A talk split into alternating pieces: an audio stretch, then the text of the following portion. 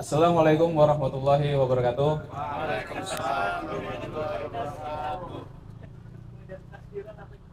Ngopi di sini. Ternyata masih ingat ya.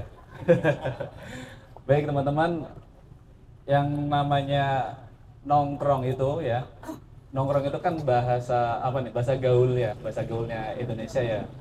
Kalau di bahasa Arab kan sama, mungkin majelis ya. Namanya duduk-duduk, nongkrong itu sama. Artinya insya Allah sesuai dengan tagline kita ya, ngopi di sini, nongkrong berpahala, insya Allah tetap berpahala. Kita sekali lagi coba eh, tes buat teman-teman kita cek semangatnya. Ngopi di sini, Nongkrong berpahala. Allah Akbar. Allah. Winter is coming. Oke. Nah, In. in Amerika. Kang Acep, kumaha kabar Kang? Alhamdulillah saya. Alhamdulillah saya, saya itu bahasa Sundanya, Ya. Sunda. eh, saya, saya Jawa juga ada sih saya. Apa artinya? Bagus. Oh, Baik, sama. Baik, ya, sama. Karena kita masih satu eh, pulau ya, Satu yang pulau. disebut Pulau Sunda Iya. dan apa Pulau Jawa. Pulau Jawa. Nah. Sukunya berbeda. Ini bukan berarti kita eh, Lihat aja kan suku ya. Lihat aja sukunya nih. Iya iya iya. Suku nanti ada tulisannya su- suku Sunda, suku Jawa. Jawa. Ah. Kan Nah, Suku. Kang Acep, eh, kalau kita tadi dengerin update ya dari apa Mas Pur sama Bung Ali Iya. ya menyebutkan bahwa korban di saudara-saudara kita di negeri sana Palestina Ya. itu sudah mencapai 10.000 lebih 10.000 lebih angka yang sangat banyak sekali. dan itu melebihi dari eh, bencana yang pernah terjadi di kejadian sebelum-sebelumnya. Artinya sekian 75 tahun ya eh, penyerangan Ya. yang sudah terjadi di awali itu dan ini peak season lah kalau kita bicara itu serangan tertinggi dengan korban tertinggi pula. Eh, kalau mau kita katain ini yang terbesar selama kurun waktu 75 tahun, itu memang eh, benar. Tapi kalau disebut apa ya, bahwa ini adalah sesuatu yang mungkin akan menjadi yang terbesar, Belum tentu ya. belum tentu. Karena masih ada hari-hari berikutnya yang kita nggak tahu ya. Ah, ya, sebetulnya eh, itu tergantung dari apakah umat Islam akan mampu bangkit dan membebaskan Palestina ataukah tidak. Kalau misalnya umat Islam bangkit dan mampu membebaskan Palestina, maka eh, kejadian ini adalah kejadian yang terbesar dan sudah tidak akan ada lagi. Tapi kalau misalnya umat Islam masih tetap saja dalam keterpurukannya, nah maka tentu saja ya hal yang eh, kemarin atau yang sekarang terjadi ini akan kembali lagi terjadi dan mungkin akan lebih besar. Nah, Kang Asep, Gitu. ke beberapa hari yang lalu itu kan saudara kita yang dari Indonesia ya, Muhammad eh, Hussein Gaza, Hmm. beliau tuh sudah pulang ke tanah air ya. Iya alhamdulillah. Dan, Dan- itu juga cukup sulit ya dia. Ya, eh, kayak Bang Onim aja, beliau menceritakan selama perjalanan dari utara ke selatan itu ya, itu mulai perjalanan yang penuh kayak film-film gitulah apa kalau mungkin dulu pernah main game Desert Storm itu yang apa antara teroris sama tim Delta itu tembak-tembakan tuh. Jadi selama perjalanan tuh ada boom. Yes. itu apa, sangat menegangkan sekali ya Kang ya. Betapa mengerikannya di sana ya. Dan memang sih apa ya, sesuai yang Kang Acep bilang ya kalau ini memang menjadi yang terakhir artinya umat Islam ini sudah bangkit. Ya. dan kalau ini misalkan umat Islam itu masih tidur berarti mungkin ini bukan yang terakhir dan bukan yang terbesar tapi bisa jadi kejadian berikutnya tuh yang terbesar itu Iya. Kang Husen tuh Betul. mengutarakan kayak gitu tuh nah kalau kita melihat kondisi sekarang ya eh, perpolitikan sekarang kemarin kan juga eh, pemimpin-pemimpin negeri kaum muslim bertemu di KTT OKI Hmm. Jadi pertemuan eh, negeri-negeri kaum muslim ya yang mayoritas Islam, mereka bertemu di Saudi Arabia mendiskusikan terkait peristiwa atau kejadian ya yang disebut konflik dalam tanda kutip yang saat ini sedang terjadi. Ya betul. Menurut antum gimana Kang? Iya ya, saya komentarin dulu bahwa eh, ya terafirmasi bahwa apa yang sekarang terjadi di Gaza memang serangannya itu lebih besar dari yang sebelumnya pernah terjadi dan bahkan Iya. dan bahkan juga besarnya melebihi apa yang eh, dulu pernah eh, terjadi di eh, apa namanya? Bom Nagasaki, at- iya bom atom. Hiroshima. Hiroshima dan Nagasaki. Hiroshima Nagasaki itu itu luasnya kurang lebih 900 km Kemudian- hulu ledaknya ya? Iya, dari titik ledaknya itu berarti sembilan berapa? 900. 900 wilayahnya ya Wilayah. 900 km Hiroshima Nagasaki- Nagasaki kemudian eh, bom yang kemudian diluncurkan saat itu ya bom Iya. atomnya itu sekitar 9.000 ton 9000 ton. ya sekarang yang menimpa Gaza itu ya Gaza itu luas wilayahnya itu sekitar 300 kilometeran Oke, Ya. setengah Jakarta dong. Setengahnya Jakarta. Lalu kemudian bom yang sudah diluncurkan ke wilayah Gaza itu itu sudah 30.000 ton. Jadi dengan luas wilayah yang lebih kecil, jumlah eh, bom yang kemudian telah dijatuhkan itu melebihi Tiga Hiroshima kali Nagasaki. lipat, Ya, bahkan lebih dari bom Hiroshima Nagasaki. Nagasaki. Jadi tentu saja ya eh, dampaknya lebih besar ya lebih besar yang terjadi di Gaza saat ini Iya. ketimbang dulu Hiroshima Nagasaki. Kalau melihat perlawanan eh, kemarin kan sudah dijelaskan ya sama kita kita di sini kita diskusikan terkait Hamas ya. Ya, Kalau perjuangan mereka saat ini gimana Kang?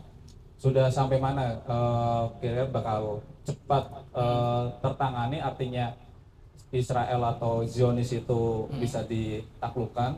Ya, atau mungkin benar-benar eh, kejadian eh, korban-korban yang berjatuhan serangan saat ini seperti yang Kang Hussein katakan bahwa pengorbanan mereka yang saat ini lakukan wanita, anak-anak dan sebagainya eh, terjadi itu itu tujuannya bukan sekedar untuk melakukan eh, mukawamah atau perlawanan. Hmm, tapi justru lebih penting untuk apa membangunkan umat di seluruh dunia ya.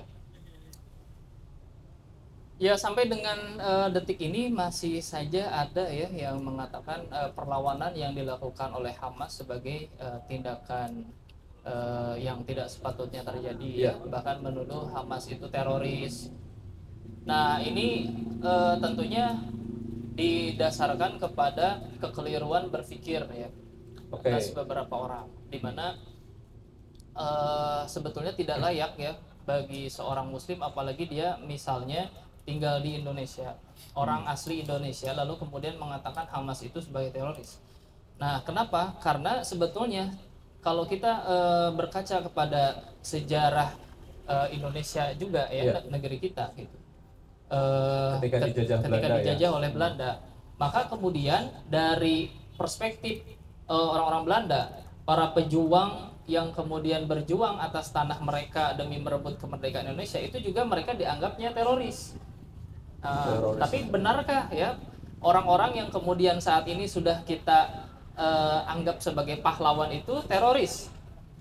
Tentu saja tidak. Tetap saja seorang pahlawan yang mereka berjuang dengan gagah berani mencoba untuk merebut tanah mereka dan eh, mencoba untuk memerdekakan tanah mereka gitu. Sehingga ya ada kekeliruan berpikir dari eh, sebagian orang yang kemudian menyebut Hamas itu sebagai teroris karena ya mungkin ya meskipun misalnya ya misalnya Ya. lab- labelnya dia seorang muslim tapi kan belum tentu pemikirannya islami oke ya bisa saja pemikirannya sekuler sehingga yang dia adopsi adalah pemikiran yang jalurnya itu riwayatnya riwayat dari Israel itu sendiri gitu Artinya ketika orang itu mengatakan teroris, Ya. sebenarnya dia menunjukkan jati dirinya Jati dia. dirinya dia berdiri dengan siapa Betul, gitu ya. betul ya meskipun misalnya muslim cuman kan ketika dia eh, berbicara ketika dia bersikap lalu kemudian dia, dia lebih condongnya kepada eh, Zionis ya itu sudah Hmm. sangat menunjukkan sekali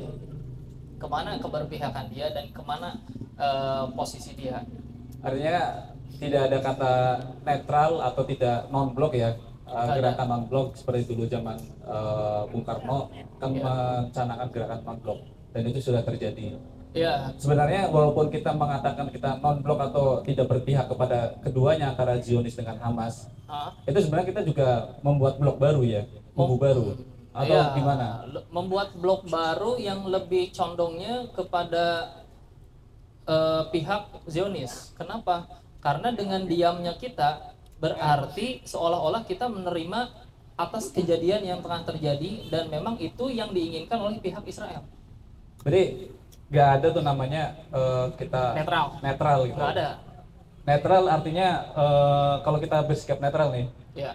Itu artinya kita membiarkan kejadian yang berlangsung itu dan mengiyakan apa yang terjadi itu. Iya betul. Oke. Kembali ke pertanyaan sebelumnya kan terkait eh, para pemimpin ya umaroh dari negeri-negeri kaum muslimin. Ya. Nah, mereka itu kan eh, bertemu nih membahas banyak hal ya eh, terkait apa yang terjadi di Palestina sana. Ya. Bahkan resolusi resolusi-resolusi itu dikeluarkan eh, bahkan lebih dari 10 kalau nggak salah ya eh, cukup banyak ya dengan resolusi yang dikeluarkan setiap negara itu menyampaikan eh, termasuk presiden kita Pak Jokowi Iya. juga menyampaikan ya eh, kegelisahannya apa yang dirasakan masyarakat atau rakyat Indonesia ini dengan eh, jutaan orang berkumpul di Monas terus eh, mendemo apa memprotes ya kejadian yang dilakukan Israel di Kedubes AS terus bahkan per malam ini besok pagi hari Ahad tanggal 19 masyarakat Bekasi pun ikut ya. ya itu sangat luar biasa ya artinya eh, suatu hal yang sangat dinanti-nanti bahkan yang eh, terbesar ya artinya dari kemunduran Islam terakhir di 1924 sampai dengan kita berjuang hari ini artinya Islam itu mulai bangkit lagi terkait apa kelihatan geliatnya tuh Ya. Betul. tapi apakah dengan resolusi yang dikeluarkan melalui KTT OKI tersebut Ah. ada efek gak ke teman-teman atau saudara kita di Palestina? Sebenarnya tidak akan ada efek apa pun ya. Kenapa tuh? karena sudah sangat banyak sekali resolusi baik dari eh, negeri-negeri muslim ya KTT-nya ataupun juga eh, resolusi dari negara-negara lain yang bukan negeri muslim.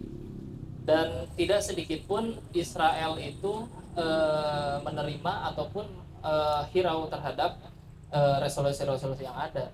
Yang yang ada ya mereka tetap melakukan eh, agresinya ya sesuai dengan keinginan mereka. Kenapa eh, itu juga terjadi? Karena apa yang kemudian dikeluarkan ya eh, melalui resolusi oleh negeri-negeri Muslim, contohnya itu juga dipandang sebelah mata oleh Israel karena eh, mereka merasa bahwa negeri-negeri Muslim ini tidak akan berani mereka untuk kemudian melawan agresi militer mereka ya untuk eh, mengusir Israel keluar Palestina karena mereka sudah merasa bahwa negeri-negeri Muslim ini sudah terbeli dan memang ini faktanya eh, terjadi ya ketika apa namanya ini kemarin eh, cukup viral ya itu ya. Iya. jadi eh, ada ungkapan dari eh, seorang eh, Hamas ya yang kemudian menyatakan bahwa sesungguhnya eh, sekarang sekarang itu kami menyadari bahwa bukan Gaza ya yang eh, mati dan terbeli. Ya justru semua dunia ya mati terbeli kecuali Gaza. Artinya apa? Artinya sebetulnya meskipun ya negeri-negeri muslim ini mereka sekarang ya eh, apa namanya tidak terjajah ya secara fisik oleh Israel tapi mereka juga tidak kemudian benar-benar merdeka dengan em, apa mempunyai cukup kewenangan untuk em, apa mengerahkan power mereka Ya. mengusir penjajah karena mereka sudah terbeli juga gitu Artinya pertemuan yang dilakukan pemimpin-pemimpin negeri Islam itu nggak ada gunanya. Itu lebih kepada ketakutan ataupun kekhawatiran mereka bahwa jika saja mereka tidak melakukan itu, tentunya umat Islam yang semakin hari semakin geram ya terhadap eh, Zionis. Zionis dan juga pemimpin-pemimpin mereka di setiap negeri-negeri Muslim itu, itu kemudian eh, tentunya akan semakin eh, mempercepat kebangkitan umat kalau misalnya tidak eh, dilakukan ya langkah-langkah ya semacam kumpul bareng ya para Ya. pemimpin muslim itu gitu. Eh, itu tidak eh, mereka kan inginnya meredam eh, gerakan umat Islam ini. Ya supaya tidak terjadi misalnya ya karena terlalu geram kemudian dilihat pemimpinnya diam tidak melakukan apa pun. Nah maka kemudian umat memobilisasi eh, gerakan, oh, gerakan. sebuah gerakan untuk menumbangkan rezimnya misalnya. Takut juga kan? Karena nggak gerak-gerak. karena dilihat hanya diam saja gitu. Cek cek. Habis kayaknya itu. Baterainya habis. yuk. Cek cek oh berarti baterainya. Iya jadi mereka juga eh, khawatir ya kekuasaannya digoyang. Nah karena kekhawatiran inilah akhirnya mendesak mereka juga untuk kemudian ya sedikitnya adalah Ya. eh, yang ditampilkan kepada eh, umat ya agar mereka merasa terwakili. Padahal sebetulnya kalau kita lihat eh, dari hasil pertemuan eh, KTT Oki yang terakhir kemarin ya, itu dianggap oleh sebagian orang termasuk juga oleh eh, Menteri Luar Negeri kita ya, Ya, Bu Retno. Bu Retno, itu sebagai resolusi paling ter apa ya terberani ya di antara eh, resolusi-resolusi yang sebelumnya. Nah jadi eh, padahal kalau kita kalau kita baca ya dalam dari eh, isi resolusinya itu tidak lain hanya sekedar kutukan, mengecam, mengutuk, mengecam lagi, mengutuk, mengecam lagi. Tidak ada kemudian di dalamnya untuk mau apa mengancam misalnya Israel kalau misalnya tidak eh, dilakukan atau tidak digubris nih keinginan Ya. umat Islam, Ya. maka kemudian eh, negeri-negeri Muslim akan bersatu misalnya memobilisasi militer untuk mengusir eh, penjajah Israel gitu. Gak ada, gak ada hal yang seperti itu. Dan bahkan kalau mau ya, kalau mau sebetulnya negeri-negeri Islam itu eh, serius dalam hal eh, untuk eh, mengusir ataupun menghentikan eh, kekejian daripada eh, Israel ini, maka sebetulnya gampang saja.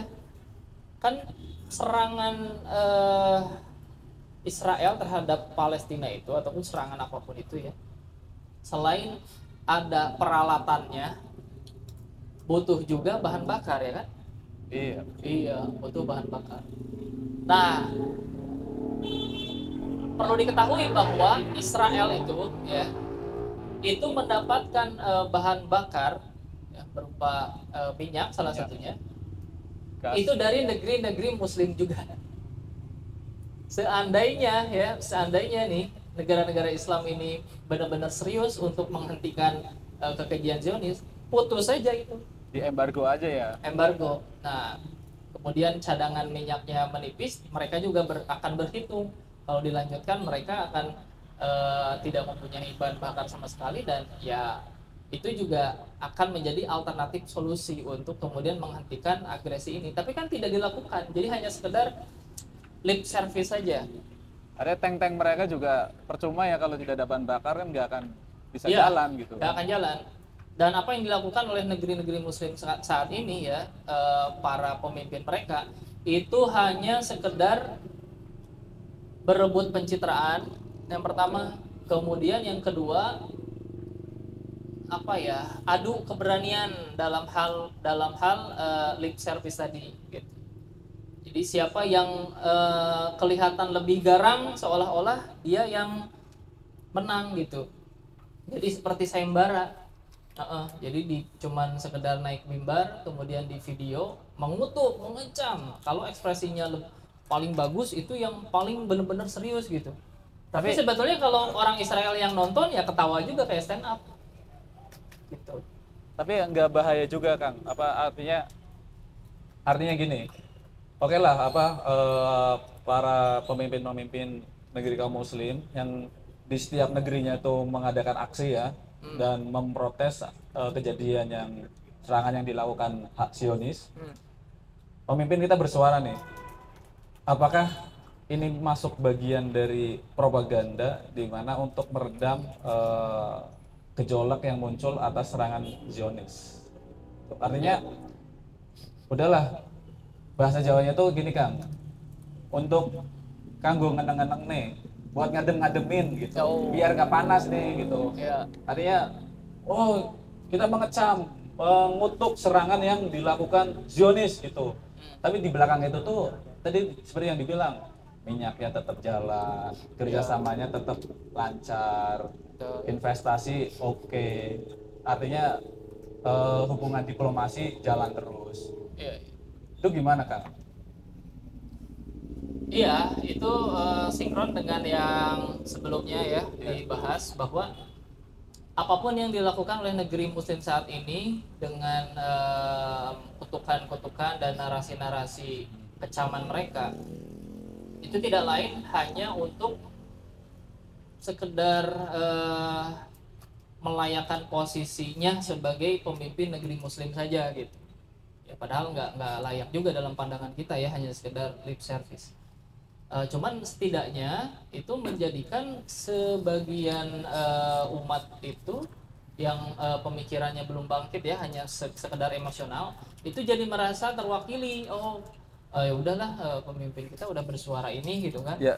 Uh, pemimpin kita udah bersuara kemudian juga ya serahkan kepada mereka lah mudah-mudahan uh, hati Joe Biden dan juga hatinya Netanyahu itu uh, jadi lembut gitu kan. Uh, kemudian akhirnya jadi bersimpati dan berempati ya kepada kaum muslimin. Nyatanya mana ada gitu kan iblis yang berhati lembut. Gak akan ada jangan berharap gitu.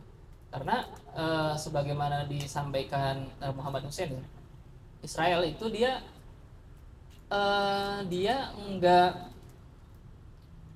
nggak bisa ataupun nggak nggak akan bisa diajak uh, berdamai ya. Karena mereka itu tidak memahami bahasa perdamaian. Mereka itu hanya paham bahasa peperangan. Gitu. Jadi ya kan kemarin lucunya gini ya setelah KTT uh, eh, Oki itu lalu kemudian uh, hasilnya itu diserahkan ke beberapa uh, pemimpin muslim termasuk juga Jokowi iya ya nah Jokowi diamanahi untuk kemudian pergi ke Amerika bertemu, dengan Joe Biden nah, untuk ya menyampaikan hasil daripada konferensi tersebut gitu Oke. Okay. Ya. ya sebetulnya udah diakses juga lewat internet kan ya. Pasti yeah. udah baca, cuman ya lumayan ya. Kesannya itu wah berani banget ini gitu kan. Ketemu presiden Amerika. Iya presiden uh, muslim terbesar di dunia bertemu dengan uh, presiden Amerika kan. Uh, kesannya jadi begitu. Padahal ya lagi-lagi lah ya mau mau di dalam negeri mau di luar negeri yang ada hanya sekedar uh, pencitraan saja. Kenapa seperti itu? Setelah uh, Jokowi itu ngobrol dengan Joe Biden perihal Palestina menyampaikan hal tersebut. Yeah.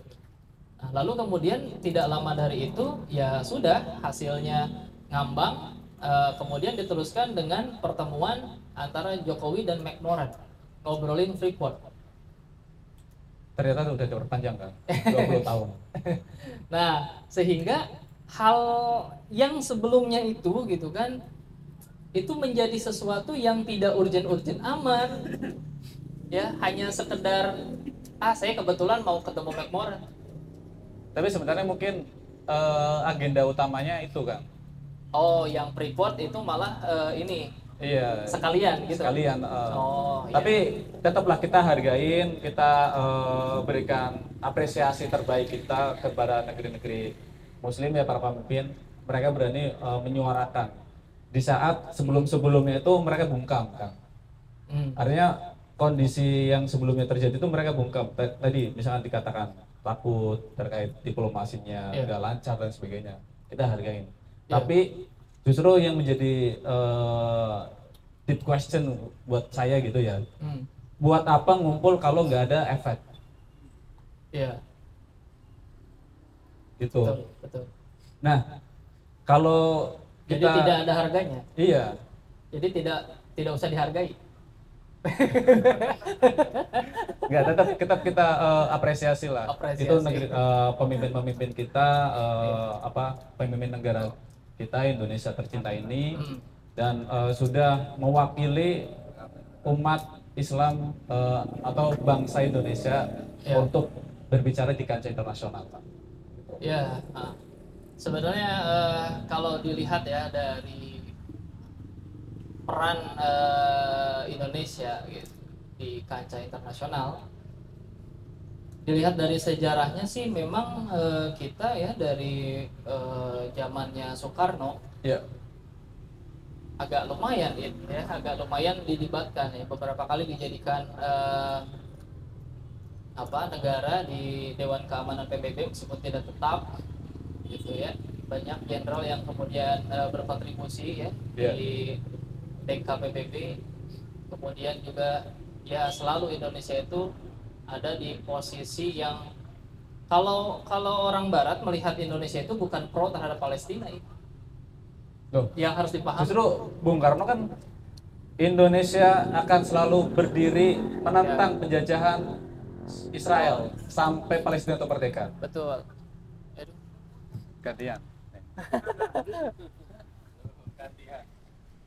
Iya justru kalau dilihat dari eh, sejarah memang eh, telah banyak pergeseran eh, seiring adanya eh, perbedaan pandangan politik. Nah sekarang itu trennya eh, Indonesia bukan ada di posisi yang pro terhadap eh, Palestina tetapi netral karena begini dari eh, pembukaannya eh, Jokowi gitu kan eh, mengenai eh, persoalan Palestina ini Hmm. dia eh, memberikan sebuah pengantar Oke. bahwasanya Indonesia itu ada di posisi yang tidak pro ke mana-mana tapi lebih pro terhadap kemanusiaan kan yang disampaikan ke Joe Biden begitu jadi Amerika itu eh, negara yang besar negara yang kuat akan tetapi di sini eh, kami Indonesia itu tidak di posisi eh, mendukung negara mana pun yang kami dukung itu adalah kemanusiaan. Oleh karena itu maka ini bisa di menjadi eh, gambaran bagi kita bahwasanya Indonesia itu mengambil opsi netral. Iya, kalaupun misalnya harus bersuara itu karena banyaknya korban berjatuhan bukan karena adanya penjajahan itu sendiri. Seandainya Israel melakukan hal tersebut, ya patok tanah sini, kemudian patok tanah situ, tanpa ada korban, Legal aja. legal, dianggap legal, tidak akan tidak akan bersuara. Karena konstitusi sebelumnya mengatakan Palestina itu tanah tanpa tuan. Ada yang menganggap begitu, ya itu tergantung perspektif mana. Oke. Ah, Seperti tadi kayak pandangan kita memandang itu Hamas teroris, Zionis betul, penjajah. sama, sama itu. sama. sama jadi tergantung di perspektif mana Eh, status Palestina juga sama kalau eh, ngomongin tentang status tanah mah ya memang harus eh, dikaji agak panjang dan mendalam. Seperti halnya kalau misalnya kita ditanya eh, siapa yang berhak untuk menduduki tanah Amerika? Emang orang-orang Amerika yang sekarang itu penduduk asli? Indian lebih iya iya makanya. Berarti tidak eh, apa namanya eh, orang-orang Amerika yang sekarang juga harusnya hengkang. Kalau misalnya ada yang eh, melakukan agresi ke tanah mereka misalnya ya. Tapi kalau misalkan dari pertemuan negeri-negeri kaum muslim yang diwakili eh, pemimpin negara kita, terus kesimpulannya Joe Biden mengatakan atau menganggap atau bahasanya gimana ya, bahwa ini adalah kejadian kemanusiaan, Ah, tapi jelas-jelas eh, Netanyahu mengatakan agresi atau kedudukan mereka di tanah Palestina itu atas dasar teologi.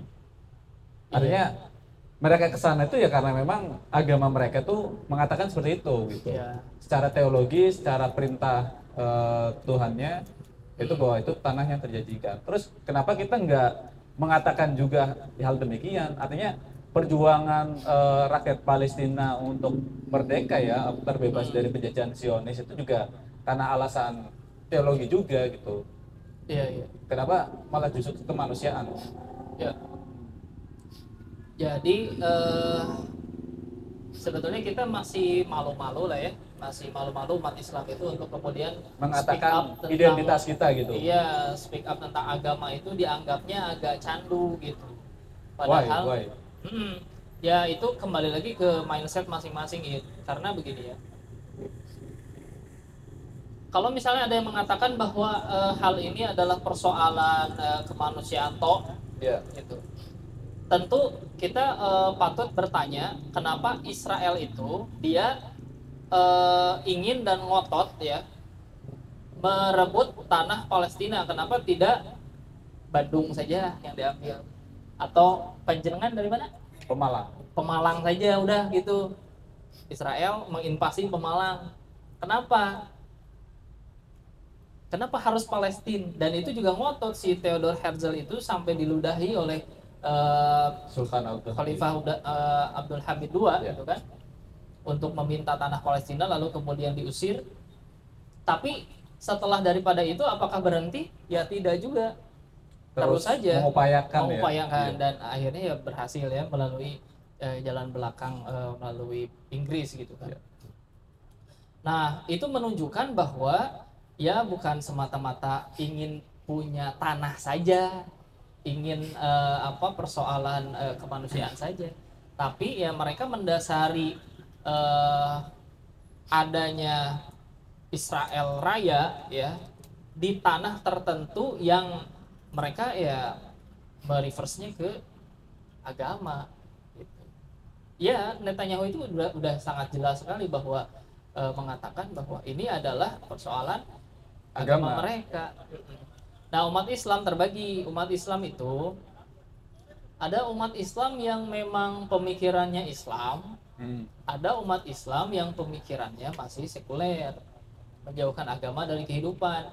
Nah, dari definisinya saja ya, eh, sekularism, ya, fasludin anil hayah, memisahkan agama dari kehidupan, maka sudah sangat jelas orang yang seperti ini dia akan anti ngomong tentang agama. Apa pun dia akan eh, bergeser ya a- atau digeserkan ke arah yang dia anggap netral gitu. Jadi kalau misalnya umat Islam juga mengklaim bahwa, bahwa ini adalah persoalan agama karena eh, yang terjadi di sana itu adalah yang dibantai umat Islam gitu. Ya. Nah orang ini ketika ingin mendukung, aduh kalau kalau ngomongin agama, kalau menurut saya agak eh, subjektif misalnya, dia akan Terlalu akan ya? iya, dia akan menggeser ya, dia tetap mendukung tapi eh, karena kemanusiaannya, karena di sana juga umat Islam eh, apa penduduk penduduk Palestina bukan cuman eh, umat Islam yang menjadi korban, Ya, karena ada Nasrani juga. ada juga. Nasrani dan sebagainya. Nah, penting untuk kita pahami nih, Eh, kita coba luruskan Ya.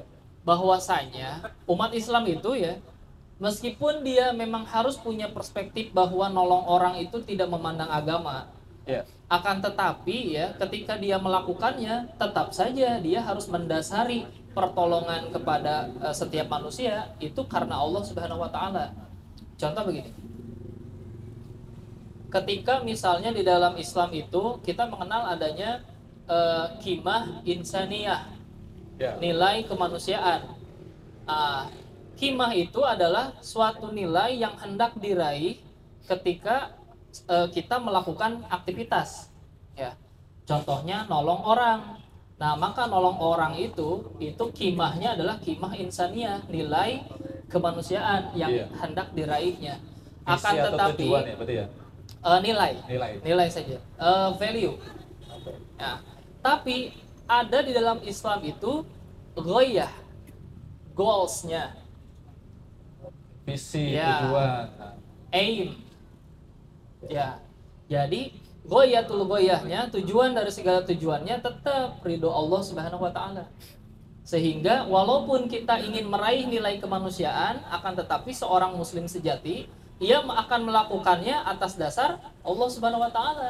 Jadi kalau ngomongin Islam, ngomongin eh, umat Islam, dia tidak akan jauh dari agama juga. Itu untuk pemikiran yang Islami. Berarti artinya eh, pemikiran atau terkait statement kesimpulan bahwa Ah. kejadian ini sebatas kemanusiaan Ya, itu justru statement yang berbahaya. Ah, iya dan kembali ya itu melemahkan melemahkan Islam sendiri. Artinya eh, eksistensi Islam itu berusaha dihilangkan dengan diganti kemanusiaan gitu. Betul ya kalau misalnya agama yang lain yang mengatakannya sih ya no problem ya tapi kalau Hmm. umat Islam yang dia kemudian mendasarinya itu em, apa karena memang kemanusiaan toh dan bukan karena digerakkan oleh eh, Allah Subhanahu Wa Taala misalnya Iya. ya keinginan untuk meraih pahala dan lain sebagainya maka ya nothing value sama sekali no values tidak ada nilainya ya berapapun besar dia misalnya nolong ya dengan materinya. Oke. Kemudian sumbangan eh, banyak gitu. sumbangan udah banyak. Kemudian dia melakukan eh, banyak Posting, aksi eh, ataupun aksi, oh, iya eh, dia mendukung melalui sosmed dia. Tapi kalau yang diserukan itu sebatas kemanusiaan ya mohon maaf gitu kan sesuatu yang tidak bernilai di hadapan Allah. Karena dia melakukan sesuatu bukan karena perintah dan larangan Allah Subhanahu wa taala. Ibaratnya kita kerja misalnya job desk kita itu misalnya eh, apa itu job desknya misalnya. Operator lah operator mesin. operator operator mesin. Mengoperasikan mesin gitu. Sehari-hari dikasih job desk sama eh, leadernya itu Hmm. eh, dia megang operator. Lalu kemudian supaya dia bisa eh, naik gaji menurut dia iya. dia melakukan misalnya yang namanya ngepel lantai bersih-bersih jendela di kemudian luar juga- job desk itu dia melakukan. Ya melakukan hal-hal yang sama sekali bukan job desk dia gitu. tapi kan bagus itu. Betul Bagus, bagus. Tapi ketika misalnya si orang ini di akhir bulan dia menuntut kepada eh, atasannya atasannya ya minta gaji lebih bos. Soalnya saya udah ngepel lantai misalnya 30 hari nih jendela pada bersih. Atap udah dibersihin sampai lo ke atas atas gitu sampai Nah, glowing gitu kan? Oh Nah. gajinya naik tiga kali misalnya. Bisa nggak kira-kira? Akan dikasih nggak? Bisa dikasih kalau baik ya bosnya kemungkinan besar enggak ya? Enggak ya. Ya.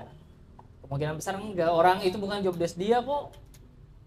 Mm-mm, begitupun kita juga melakukan sesuatu tidak didasarkan kepada perintah dan larangan Allah ya sudah nggak akan dapat pahala iya akan menjadi dapat pahala itu kan syaratnya dua ya.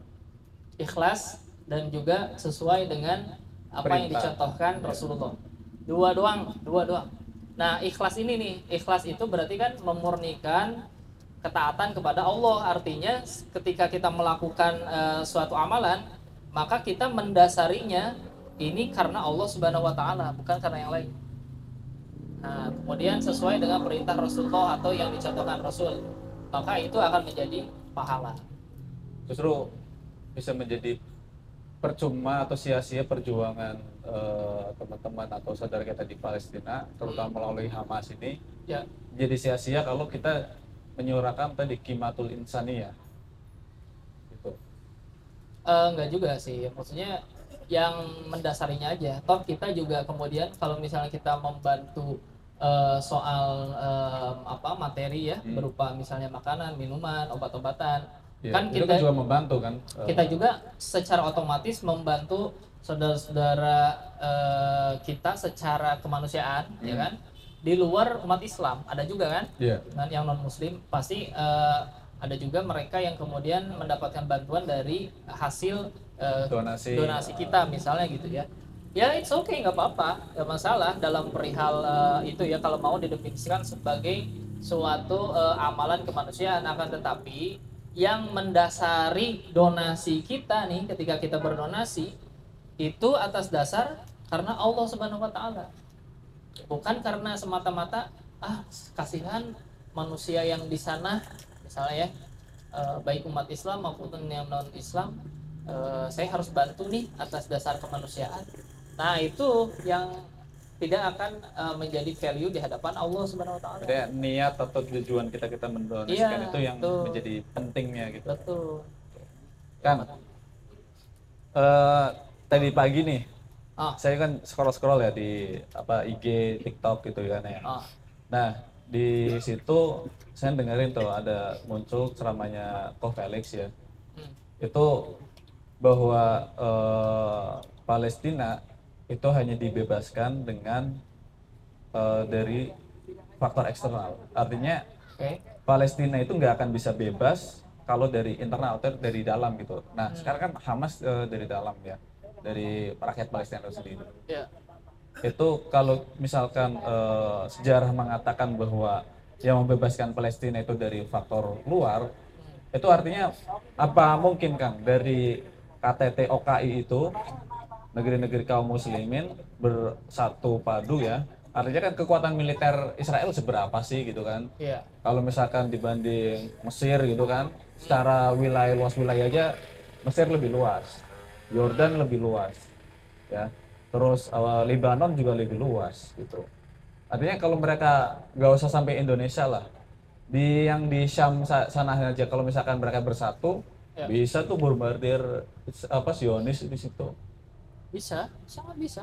Kenapa nggak dilakukan ya?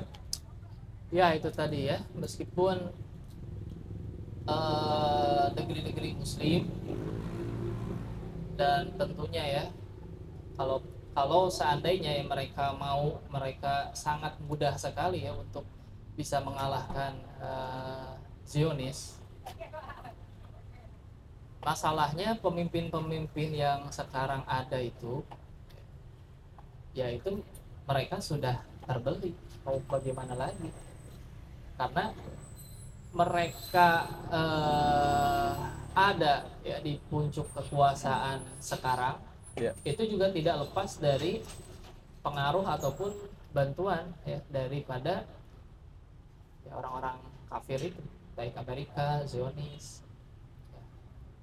sehingga ya mereka merasa berhutang budi merasa apa namanya eh, punya sesuatu yang harus mereka bayarkan ya kepada Amerika kemudian kepada Israel. Ataupun mereka juga punya kepentingan ya in- interest eh, politik. Ya. Yang kemudian setiap negara itu berbeda-beda. Ya kalau misalnya mereka santer ya terlalu santer ya terhadap eh, Israel gitu ya. Mereka juga menghitung untung rugi. Mereka akan akan eh, berhitung wah ini suatu kerugian nih kalau misalnya eh, hubungan diplomatik dengan Israel misalnya diputus. Karena nanti Amerika juga akan mengancam misalnya apa. Nah itu juga suat- sesuatu yang secara politik eh, menjadikan ya para negeri-negeri Islam ini kikuk. Tidak bisa berbuat Oke. apa-apa. Ya kondisinya begitu ya. Nah kalaupun tadi misalnya dikatakan bahwa Palestina itu akan eh, terbebas dari faktor luar Eh, ya ini akan menjadi sesuatu yang cukup eh, panjang ya.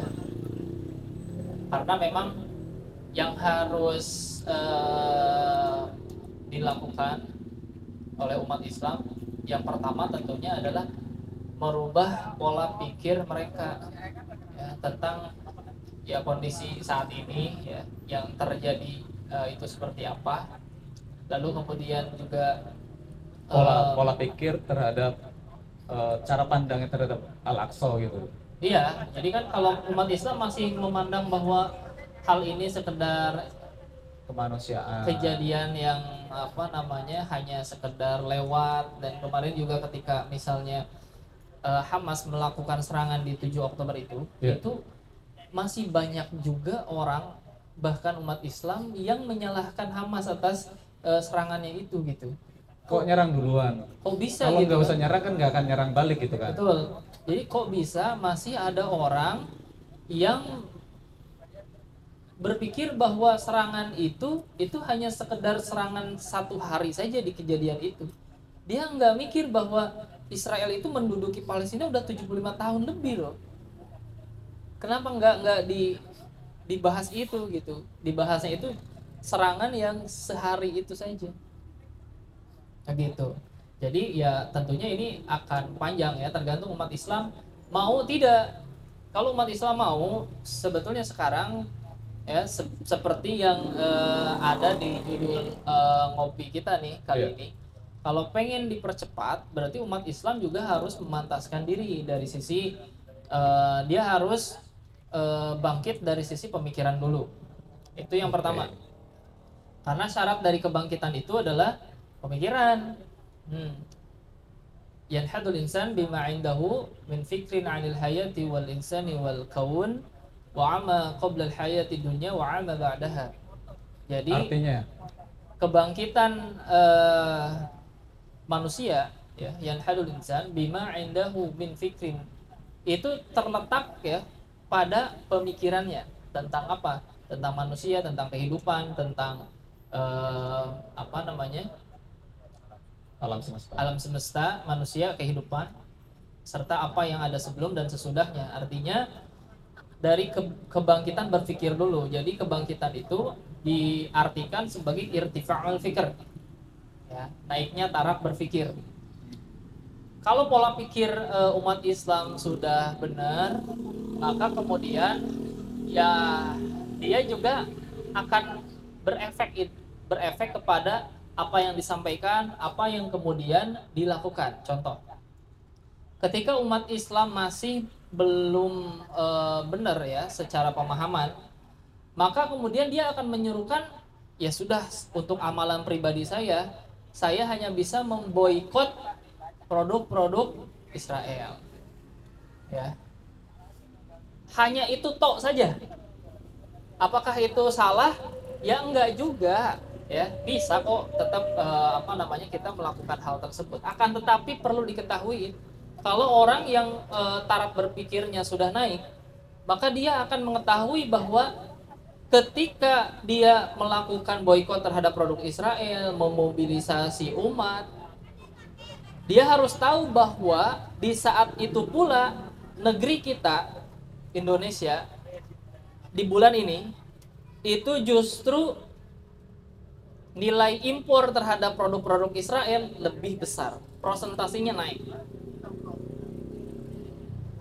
Oke, jadi ketika kita memboikot produk-produk kecil uh, Israel yeah. ya, uh, apa aja Soden kalau di sini. Unilever. Iya, Unilever kalau di Colgate. Dan kawan-kawan. Tapi ternyata secara ruang lingkup negara, negara ini gitu kan, itu mengimpor lebih besar ketimbang dari bulan-bulan sebelumnya. Artinya kecaman yang dilakukan terhadap ya. uh, Zionis Israel, ya. Tapi secara diplomasi Pasti masih lancar berjalan. gitu ya. Terus berjalan dan juga ya tadi ya semakin meningkat. Nah, ini membuktikan bahwa umat ya belum sempurna secara taraf berpikir. Hanya yang kemudian berpikir uh, boykot uh, produk per produk. Tapi kemudian nggak pernah berpikir gitu bahwasanya apa yang menyebabkan misalnya negeri kita tidak melakukan perlawanan berupa e, militer terhadap Palestina tentu saja karena ada sistem yang membatasinya Nah, kalau sistem ini yang menjadi penyebab kenapa tidak diserukan boykot sistem? Oh, yang menjadikan negeri ini tidak bisa membantu Palestina itu karena batas wilayah kenegaraan, sistem demokrasi yang membatasi nation state yang menjadikan umat Islam yang berada ya eh, bukan di wilayah Palestina tidak bisa secara begitu saja membantu eh, wilayah yang lain. Nah, ini permasalahannya. Kenapa tidak kemudian diserukan boykot sistem demokrasi misalnya? Sistem eh, boykot sistem ekonomi liberal. Kenapa? Justru kalau misalnya boykotnya hanya produk-produk, ya pabriknya masih ada. Tapi kan aja gini. Kang Acep. Nah, Nah, gini apa eh itu kan pasti berat lah ya kalau misalkan kita memboikot itu. Kan Ah. kita negeri kita kan juga menjunjung tinggi demokrasi gitu. betul. Yang nggak nggak akan mungkin lah. Ya nggak nggak mungkinnya itu gini, nggak mungkinnya itu karena memang kita selalu ya punya eh, ketergantungan ya ketergantungan terhadap eh, dunia barat ataupun terhadap negara- negara-negara lain gitu. Kita itu tidak ataupun belum berdikari. Nah, apa penyebab kita tidak bisa benar-benar eh, berdikari ataupun merdeka secara pangan ya, secara produk-produk untuk memenuhi kebutuhan domestik kita? Oke. itu karena sistem juga Hmm. sehingga sebetulnya kalau misalnya pertama kenapa kita berat untuk eh, kemudian eh, misalnya ya eh, memboikot secara keseluruhan produk-produk itu secara negara nih misalnya tutup aja misalnya perusahaannya yang berhubungan dengan Israel Atau tutup putus hubungan putus diplomasi. eh, dip- hubungan diplomasi. Jadi gini, saya lurusin saya lurusin dulu. Indonesia itu memang eh, tidak mengakui punya hubungan diplomasi dengan Israel karena posisi Indonesia itu memang menentang penjajahan, Ya, Oke. menentang penjajahannya. Karena memang dasar negara kita UUD mengatakan demikian. Iya, secara eh, apa namanya eh, Secara undang-undang. base, secara undang-undang, gitu, secara dasarnya itu. Betul.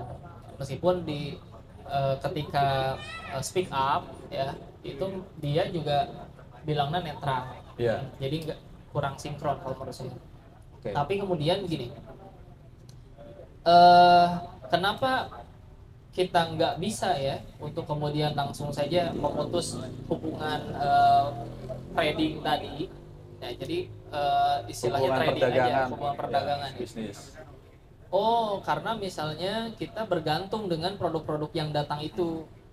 Nah, berarti kan kalau mau sebetulnya inilah saatnya ya Indonesia itu untuk ke depan ya memantaskan diri bahwasanya kita itu negara besar loh. Negara yang eh, SDM-nya itu nilai IQ kemudian juga eh, pendidikannya itu juga banyak kemudian yang eh, pinter-pinter, banyak yang lulusan-lulusan yang apa namanya S2, S3.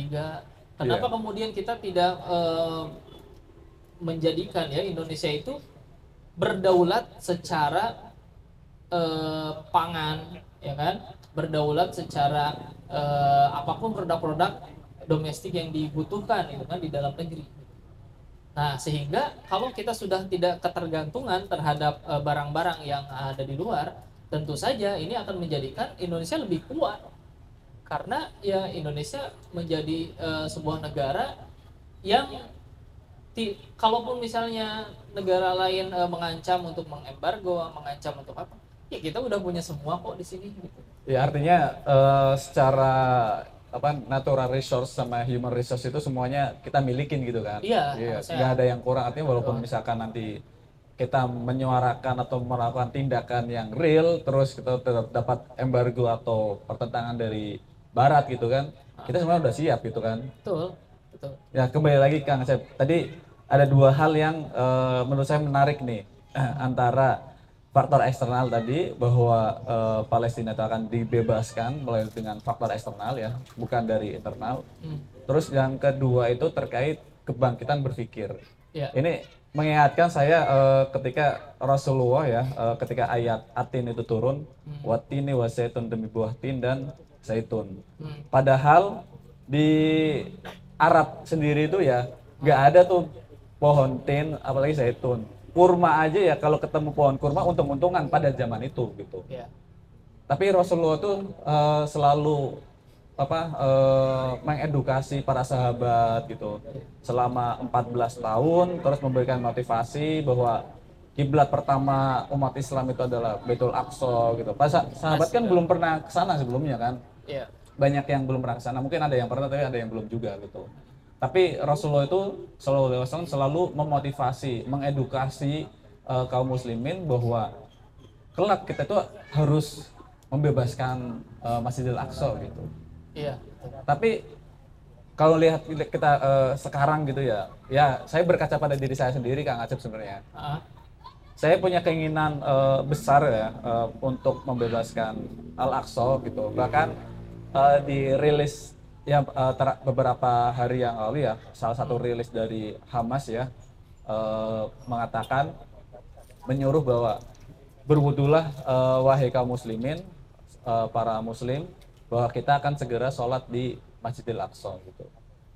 Artinya iya selama 14 tahun dari total 18 tahun eh, Rasulullah berdakwah eh, ketika diangkat menjadi Rasul itu 14 tahun itu adalah mengisi hari-hari dengan terus memotivasi bahwa kaum muslim itu akan membebaskan Al-Aqsa. Dan ini terus di apa? diulang menjadi repetisi yang apa terus menerus sampai akhirnya jatuh di tangan Umar gitu kan.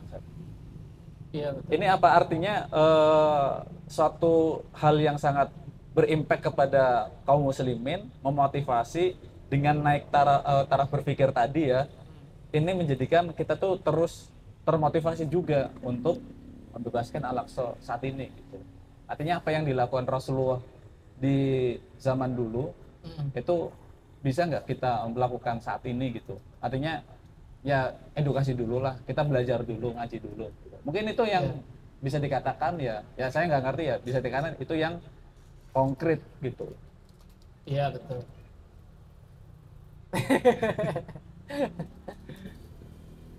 Eh, yang lain belum ada yang mau nanya ya?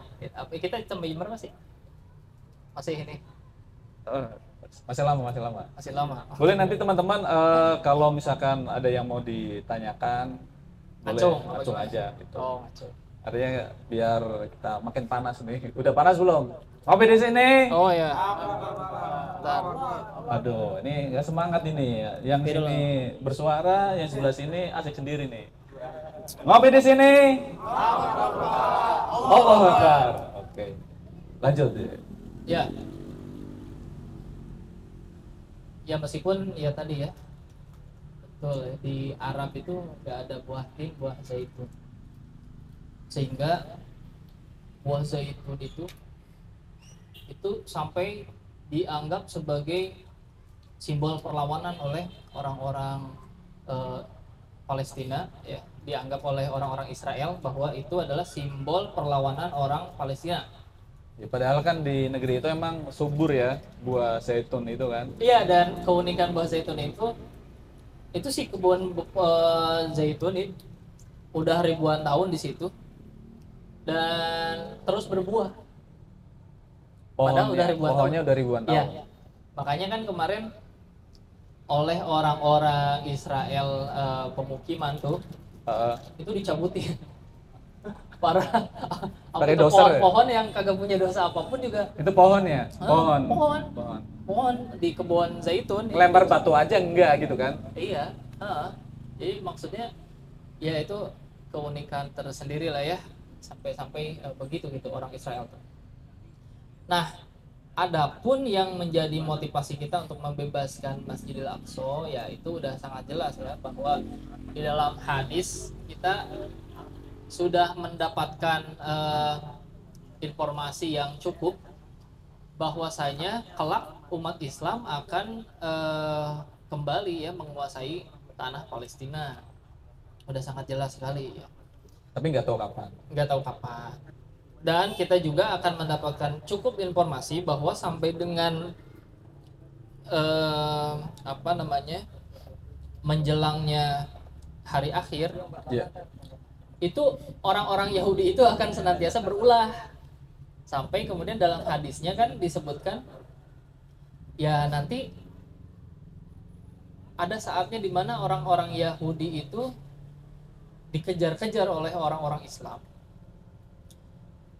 Lalu kemudian orang-orang Yahudi itu sampai mereka bersembunyi di pohon, di batu, ya kan? Lalu kemudian pohon dan batu tersebut itu berbicara, ya. Ayuhal muslimun, wahai orang muslim, nih sini ada orang Yahudi nih di belakangku, bunuhlah dia. Sampai kemudian begitu. Nah itu menunjukkan kepada kita bahwa ya kalau dilihat dari rentan waktu sampai dengan nanti menjelang akhir juga kita akan disuguhkan dengan challenge bahwa kita akan senantiasa head to head dengan uh, mereka. Ya. Lalu kemudian endingnya ya endingnya umat Islam akan menang. Akan Tapi- tetapi kita tidak bisa berpangku kepada eh, apa namanya jalan cerita tersebut. Karena sekarang yang harus kita pastikan itu adalah posisi kita ada di mana Tapi gini Kang Asep, nih boleh nggak ya kalau misalkan nih kita eh, si Fulan lah misalkan si Fulan berpikir gini, ya udahlah kalau itu memang takdir biarin aja lah atau pasti terjadi. Heeh. Dan, eh, kalau misalkan Palestina atau rakyat Palestina itu dibantai sama Zionis Yahudi, Nah, kan udah ditakdirin gitu. Kita Iya. nggak akan bisa ngelawan takdir kan. Di Iya. Lauhul Mahfuz sudah dituliskan seperti itu. Nanti juga bakal ada yang bebasin gitu. Iya. Sok biarin aja gitu. Sepuasnya Zionis lah bantai. Betul. Iya, ini yang tadi saya mau jelasin nih. Ketika memang di dalam hadisnya ya, eh, ataupun hadis-hadis yang serupa karena eh, banyak ya, Hmm. Umat Islam misalkan disuguhkan dengan informasi bahwa kelak umat Islam itu akan mengalahkan orang-orang Yahudi, kemudian akan kembali merebut eh, tanah Palestina misalnya. Iya.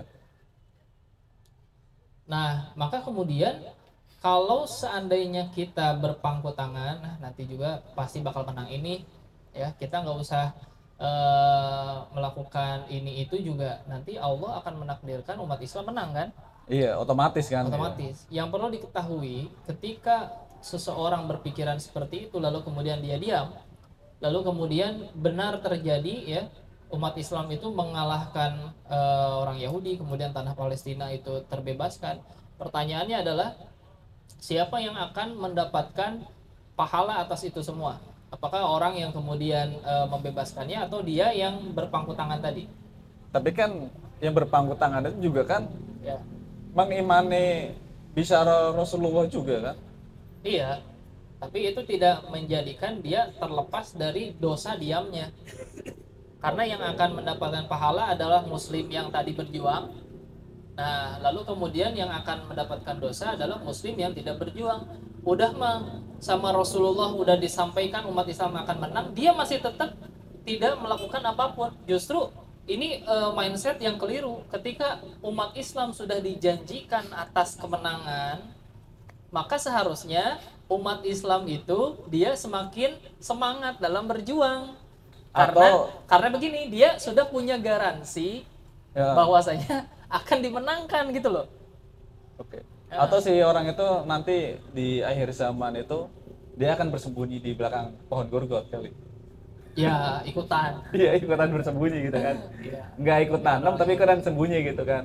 iya begitu jadi ya banyak hadis-hadis yang semacam itu ya Uh, termasuk ya Allah menjanjikan kepada umat Islam melalui lisan Rasulullah tentang uh, adanya uh, khilafah versi yang khilafah Rasidah versi kedua misalnya Oke. ya Uh, summa takunu khilafatan ala minhajin nubuwah summa sakata jadi di akhir hadisnya begitu lalu kemudian akan ada kembali khilafah Rasidah ya eh, setelah fase-fase sebelumnya Hmm. dan kemudian Rasulullah berdiam diri. Nah, ketika sudah disampaikan begitu kan ada orang yang mengatakan ya sudah kita nggak usah ngomongin khilafah, nggak usah berjuang untuk khilafah. Toh nanti kata Rasul nih kan eh, akan ada kembali. Hmm. Ya sudah, eh, nggak usah berjuang juga apa namanya tetap akan eh, ada.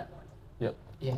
Ya memang karena di sepanjang ada orang yang ngomong kayak gitu ya ada orang lain yang juga tetap berjuang dan menghiraukan omongan itu kan? Ya. ketika misalnya khilafah beneran tegak oleh orang-orang yang berjuang ini lalu si orang ini ngomong tuh kan gua diem tapi khilafah tetap tegak.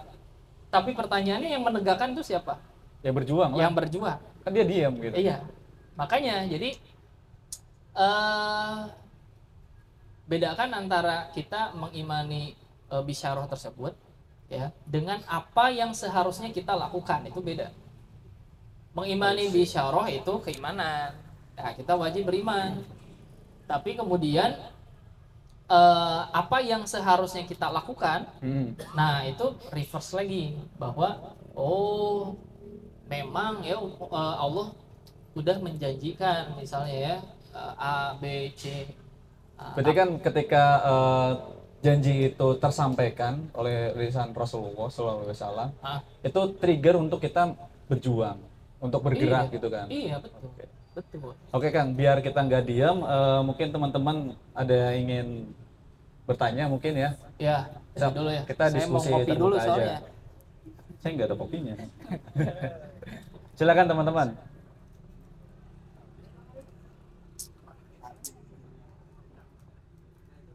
Mangga mangga mangga Oke, eh, baik. Mungkin karena udah di ujung nih, Kang. ah Kita eh, terakhir ya eh, dari saya, pertanyaan terakhir nih. Kira-kira kita nih sebagai rakyat Indonesia, sebagai Muslim juga ya, ah orang yang mengimani Islam sebagai agama dan Allah Tuhan dan Muhammad Rasul, ah kita harus gimana nih Kang? Apakah cukup kita dengan memboikot, terus eh, menyuarakan terus di sosmed, ah julid ke akun-akunnya Zionis gitu kan? ah Selain itu kira-kira apa nih? Kita mendoakan juga udah gitu. Tapi ya gitu-gitu aja gitu. Sampai 75 apa, lima- eh, 75 tahun tetap dijajah. ya Apakah boykot terus kita menyuarakan terus kita mendoakan juga itu artinya sia-sia atau gimana atau sebenarnya tindakan kita itu belum eh, ngefek banget gitu. Hmm. ini sekaligus closing Boleh ha, 5 menit Kang. ini nggak ada yang mau nanya dulu atau menyampaikan ini kali Pandangannya Ah, ah. saya rasa udah ini Kang. Mereka setuju lah. Ini doktrin yang eh, memaksa nih.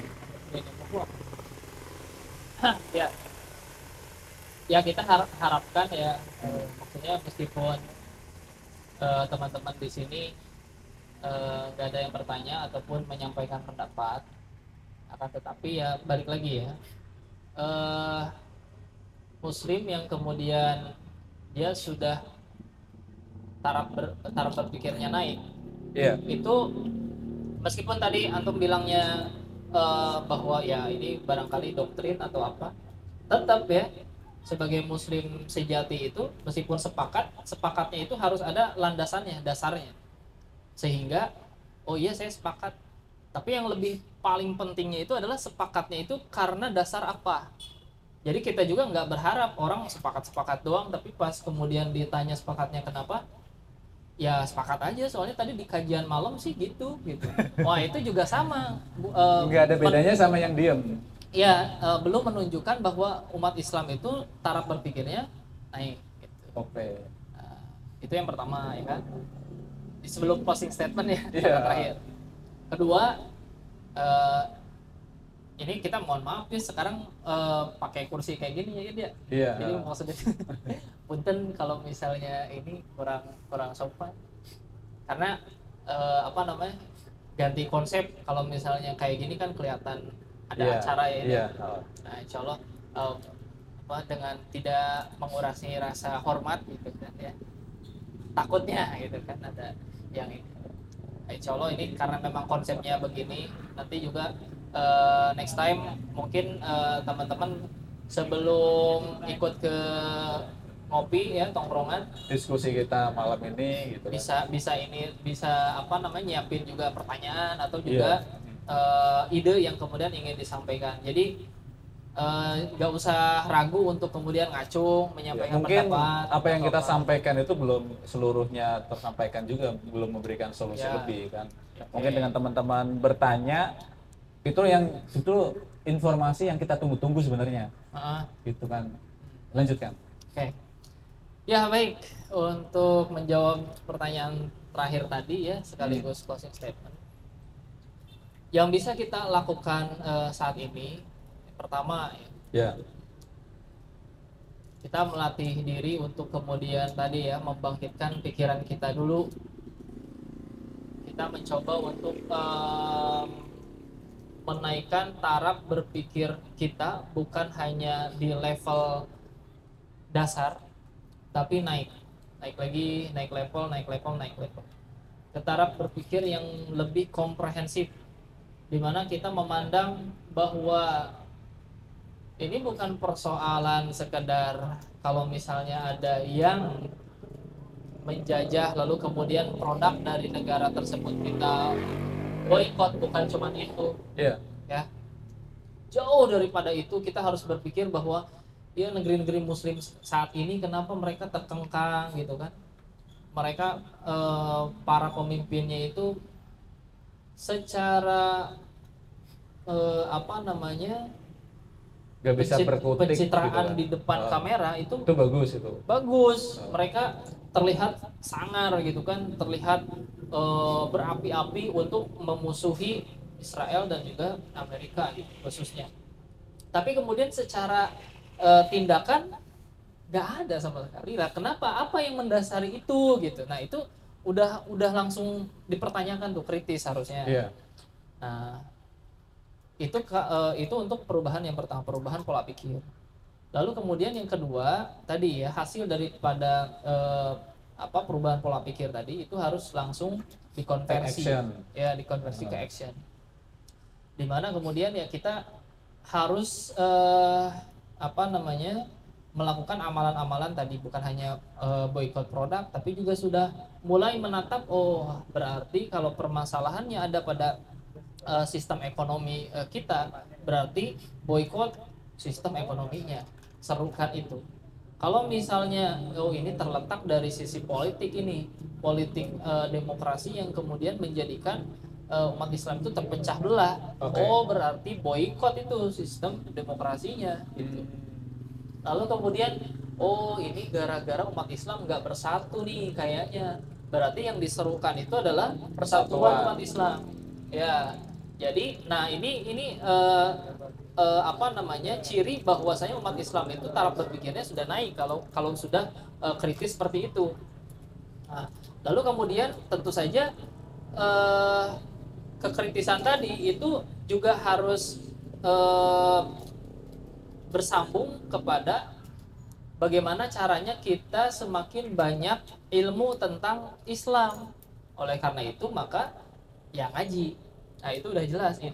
Jadi- jadi kritisnya dulu dibangkitkan, Ah, kritis kemudian secara sikap juga kita eh, udah mulai bisa menentukan nih eh, amalan-amalan apa nih, bukan Hmm. hanya sekedar boykot produk, bukan suka sekedar nyumbang, iya lalu kemudian oh kita juga perlu ngaji lebih dalam lagi nih soalnya ada banyak hal yang belum kita pahami mengenai apa sih yang akan mempersatukan umat apa Oke. sih langkah-langkah yang akan menjadikan umat Islam bersatu gitu kan nah itu kan perlu dikaji lebih iya mendalam eh, Lalu kemudian kalau umat Islam bersatu, eh, sistemnya apa, kemudian eh, apa namanya turunan-turunan hukumnya apa saja, itu kan perlu dikaji, ya. kan?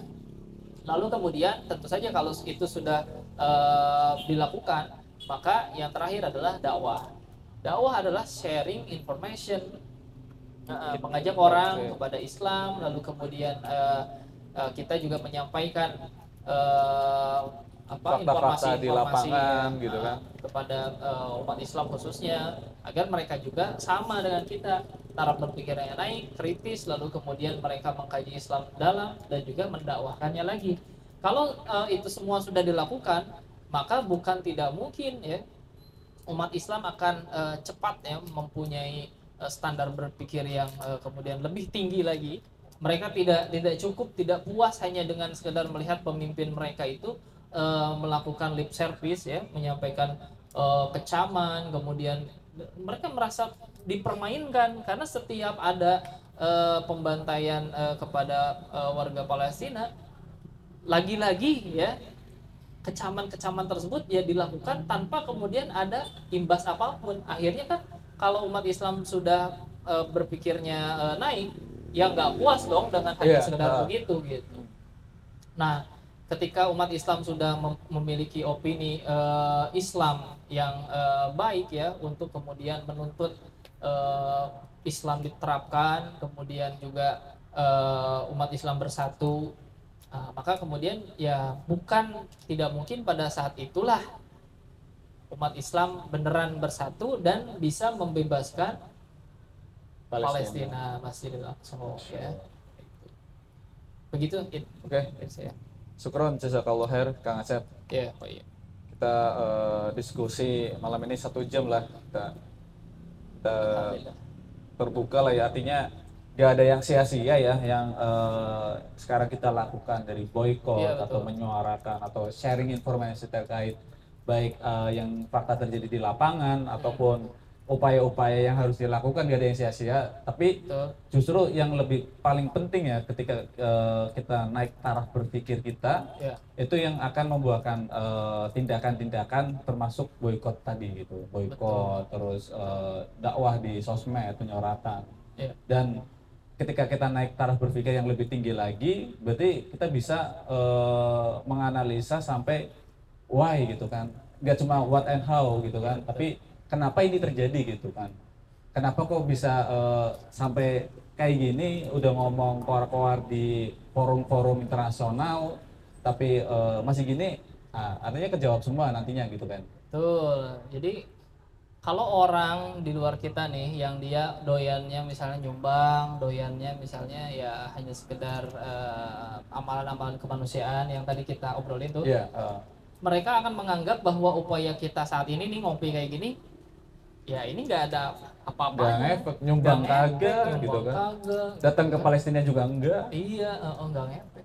Padahal mereka keliru bahwa apa yang kita uh, lakukan ini ya untuk kemudian uh, membangkitkan uh, pemikiran umat ya uh, memberikan informasi uh, yang benar dalam pandangan Islam ya yeah. uh, dari sudut pandang Islam ini tentunya akan menjadi uh, modal yang sangat uh, besar untuk uh, di kemudian hari.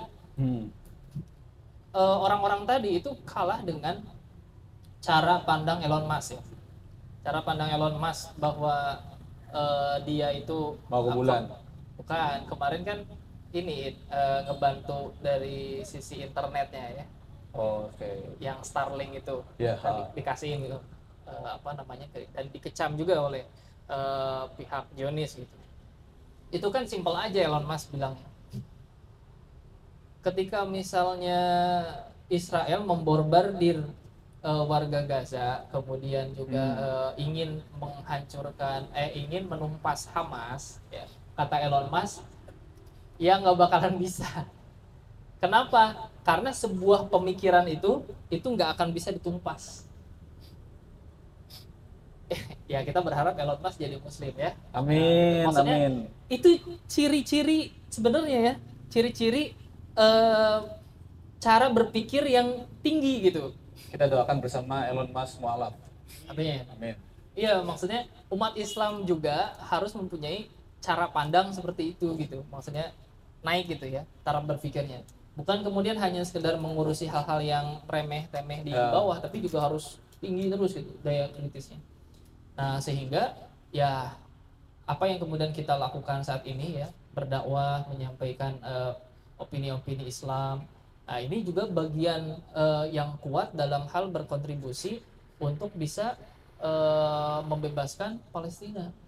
Dan pengaruhnya akan sangat besar karena dengan uh, kita lah misalnya dengan yang uh, sudah kita lakukan lalu kemudian kita berdakwah menyampaikan lagi kepada yang lain, maka itu terus akan um, menjadi estafet efek gitu. Iya. Ya, terus be- apa namanya menyebar gitu ke banyak orang sehingga ya bukan tidak mungkin di kemudian hari ya umat Islam akan bersatu gitu. Baik, eh, rekan-rekan sekalian, terima kasih sudah mendengarkan, sudah menyimak obrolan kita ya eh, nggak lama dan mungkin tadi efeknya nggak terlalu besar, tapi yakin bahwa apa yang kita lakukan ini adalah salah satu bagian dari irtifakul fikr, Iya, pondasinya. fondasinya, Heeh. gitu. biar kayak Elon Musk. Gitu. Enggak juga. Untuk meningkatkan cara berpikir agar kita bisa bertindak lebih konkret gitu kan. Baik, eh, karena memang waktu durasi yang membatasi kita, kita lanjutkan lagi di pekan depan ya. Obrolan kita eh, dalam kayak gini santai-santai di malam minggu di Cikarang Baru. Ya, mungkin kalau misalkan nanti ada pertanyaan simpen dulu, kita lanjut di minggu depan kan. Insya Allah. Insya Allah. Baik, cukup sekian dari kita berdua. Ngopi di sini. Allah. Allah. Wassalamualaikum warahmatullahi wabarakatuh. Waalaikumsalam warahmatullahi